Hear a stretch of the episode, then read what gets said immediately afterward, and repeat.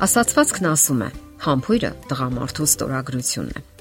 Իսկ ինչ է իրենից ներկայացնում համբույրը։ Այդ մասին գրում են բոլոր բանաստեղծներն ու արցակագիրները։ Իսկ վերջերս դրան անդրադարձել են նաև հոգեբանները, բացահայտելով տարբեր հետաքրքիր փաստեր։ Այս թեման այն հազարավորների համար է, ովքեր խուսափում են քնքշանք դրսևորելու այս եղանակից։ Մասնագետները ողրզել են համբույրի այսպես կոչված ֆիզիոլոգիան Նկատվել է, որ համբույրին մասնակցում է դեմքի 30 մկան եւ այն բարերար ազդեցություն է ունենում մաշկի վրա, այն դարձնելով ճկուն ու հարթ։ Բավականաչափ քանակով արտադրվում է նաև ադրենալին հորմոնը, որն ակտիվացնում է օրգան համակարգերի աշխատանքը։ Հաճախանում է պուլսը, հասնելով մինչև րոպեում 150 զարկի ուժեղանում է արյան շրջանառությունը, ինչի արդյունքում օրգանիզմի բջիջները հարստանում են թթվածնով։ Համբույրի ժամանակ ամուսինների օրգանիզմները փոխանակվում են թքով, որտեղ պարունակվում են անհրաժեշտ բնական անտիբիոտիկներ։ Այսպիսով փոխադարձ ամրապնդվում է իմունային համակարգը եւ օրգանիզմի ընդհանուր վիճակը։ Նկատվել է մի ուշագրավ հատկություն եւս համբույրը ընդունակ է նվազեցնելու ցավը։ Համբույրի ժամանակ արտադրվում է էնդորֆին հորմոնը, որն ունի ցավազրկող հատկություն։ Իսկ այժմ մի փոքր անդրադառնանք պատմությանը։ Հռոմեական սրբազան կայսրության կայսր Ֆրիդրիխ II Շտաուֆենը խաչակրած արշավանքների ընդմիջումներին այսպիսի դաժան փորձ կատարեց։ Նրա զինվորները վերցրին նորածին երեխաներին իրենց բնակավայրերից եւ հանձնեցին դայակներին։ Կայսրը հրամայեց միայն ընդհանուր խնամք տանել նրանց հանդեպ, կերակրել եւ լողացնել, սակայն ոչ մի դեպքում չխոսել նրանց հետ, կատակներ չանել, չխաղալ, չգրկել ու նաեւ չհամբուրել բնականաբար։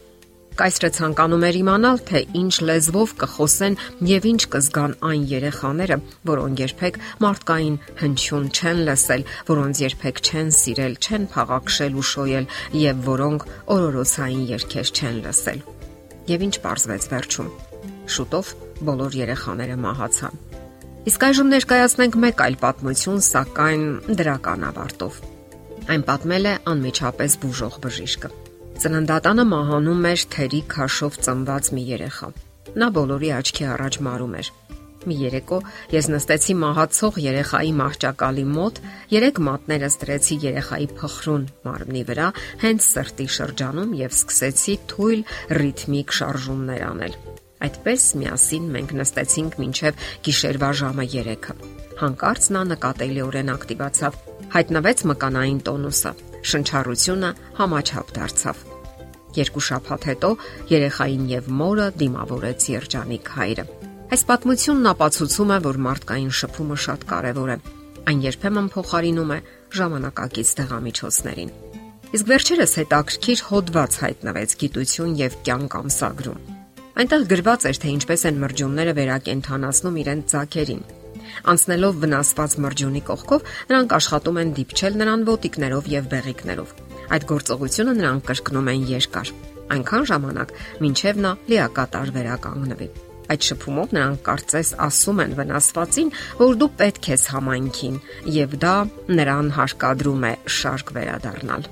Ինչի մասին են վկայում այս բոլոր պատմությունները որ մարդկային հարաբերություններում շատ կարևոր են հպումները, շոյանքները, փաղաքշանքները, համբույրները եւ դրանք իսկապես կենսական մեծ ուժ ունեն։ Մայամիի համալսարանին կից շոշափողական հետազոտությունների ինստիտուտի տնորեն Թիֆանի Ֆիլդը պնդում է, որ մարմնի հաճելի հպումները անգնահատելի օգնություն են հոգեբանական առումով։ Դրանք բարձրացնում են իմունիտետը եւ խթանում կենտրոնական նյարդային համակարգը։ Ինստիտուտում անցկացված հետազոտությունները ողրզել են, որ կապ կա հպումների քանակի եւ մարդու օրգանիզմում հեմոգլոբինի քանակը ավելանալու միջև։ Իսկ քանի որ հեմոգլոբինը շնչառական օրգաններից թթվածին է մատակարարում հյուսվածքներին, ապա ինչպես արդեն նշեցինք, նրա մակարդակը ամրապնդում է ողջ օրգանիզմը, ուժեղացնում է իմունիտետը եւ արագացնում առողջացման ընթացքը։ Ուրեմն Փաղաքշանքները կարող են հրաշալի շեղող միջոց լինել շատ տկարությունների դեպքում եւ զգալիորեն նվազեցնել ցավի զգացումը։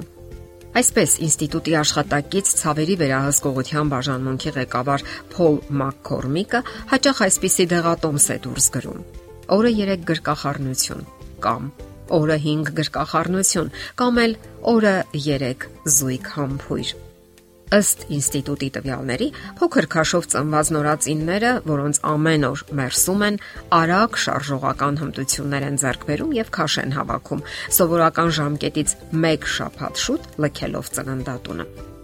Հպումները հանում են նաև սթրեսային վիճակը եւ ոչ միայն նորածինների մոտ։ Ինստիտուտում անցկացված փորձերի ընթացքում ողջվել է, որ մերսումից հետո նորածինների մեզի մեջ զգալիորեն նվազել է սթրեսի հորմոնի կորտիզոլի պարունակությունը իսկ սրա որոշակի քանակը ընդունակ է ոչնչացնելու պաշտպանական համակարգի համար խիստ անհրաժեշտ բջիջները։ Սա ապացուցում են նաև կենթանիների վրա կատարված փորձերը։ Շոշափողական հպումը կենսականորեն անհրաժեշտ է նաև տարեց մարդկանց։